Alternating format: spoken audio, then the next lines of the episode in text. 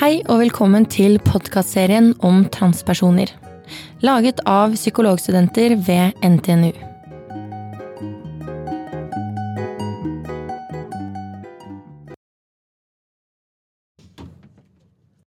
I denne episoden snakker Levi om sin barndom, og hvordan det opplevdes for han å komme ut som transmann for sine foreldre og nærmeste. Ja, for jeg tenker eh, I dag er du 26 år og, og har eh, Hører du, du har jo masse kunnskap om, om, dette, og det er jo et stort engasjement, og det forstår jeg godt. Og det som er eh, interessant, er når du var yngre, hvis du tenker tilbake på barndommen din mm. Nå sier du at du kom ut, du bruker begrepet 'kom ut av skapet' ja. når du var 23.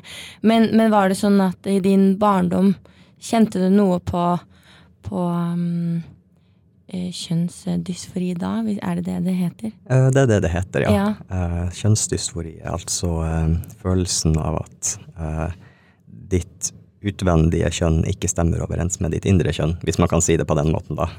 Ja.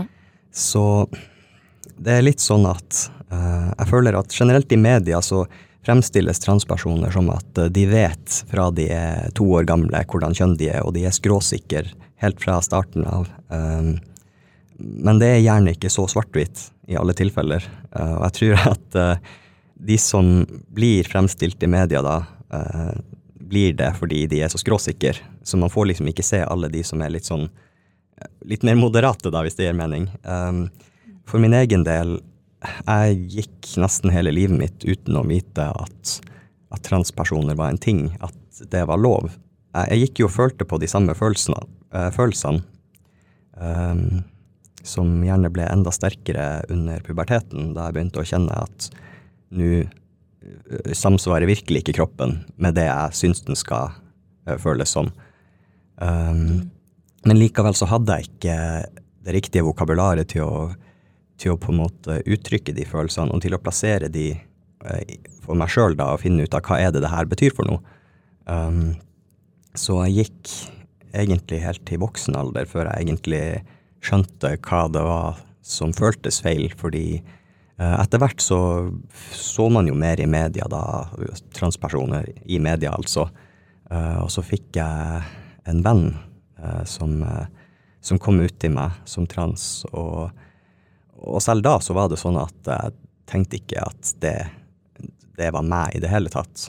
Men etter hvert som jeg tenkte mer og mer på det her, så, så liksom Ja, jeg, jeg følte Det var en prosess hvor eh, flere og flere puslespillbrikker datt på plass, da. Mm. Um, og det forklarte veldig mye.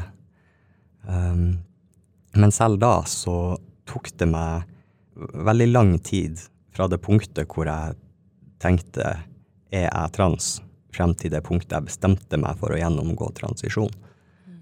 Det var eh, et par år, i hvert fall, med kontinuerlig grubling sånn hver eneste dag. Ja. Og hva de to uh, åra der med, med, det du skriver som kontinuerlig grubling, hva um, opplevde du og følte var viktig fra de nærmeste rundt deg, da, de menneskene du har rundt deg, og omgivelsene i de to åra?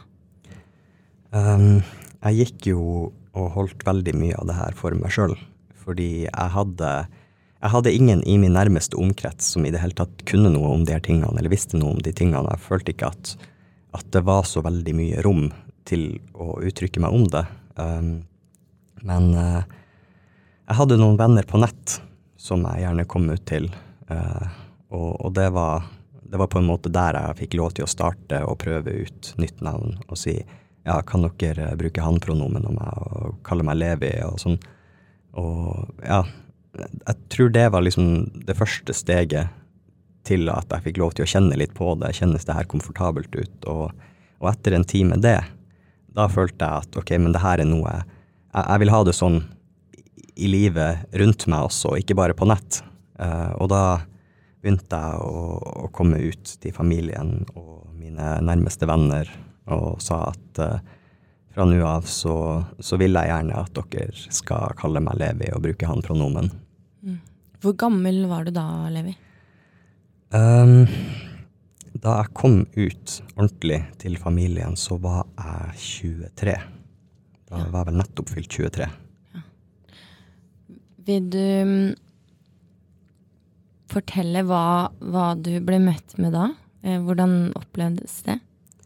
Um, jeg tror uh, foreldrene mine ble veldig bekymra eh, først, fordi eh, jeg tror ikke de kunne noe om det her i det hele tatt.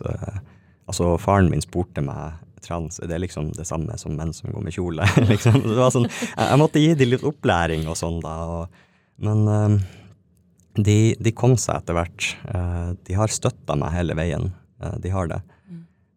men de har trengt litt opplæring, det har de. Mm. Men eh, de, de har eh, egentlig bare vært støttende. Mm. Og det, det høres så viktig ut at man blir møtt og man blir støtta i, i, den eh, prosessen der. Og, og, uavhengig om man er i en sånn prosess eller ikke, så er jo det viktig å ha støttende folk rundt seg.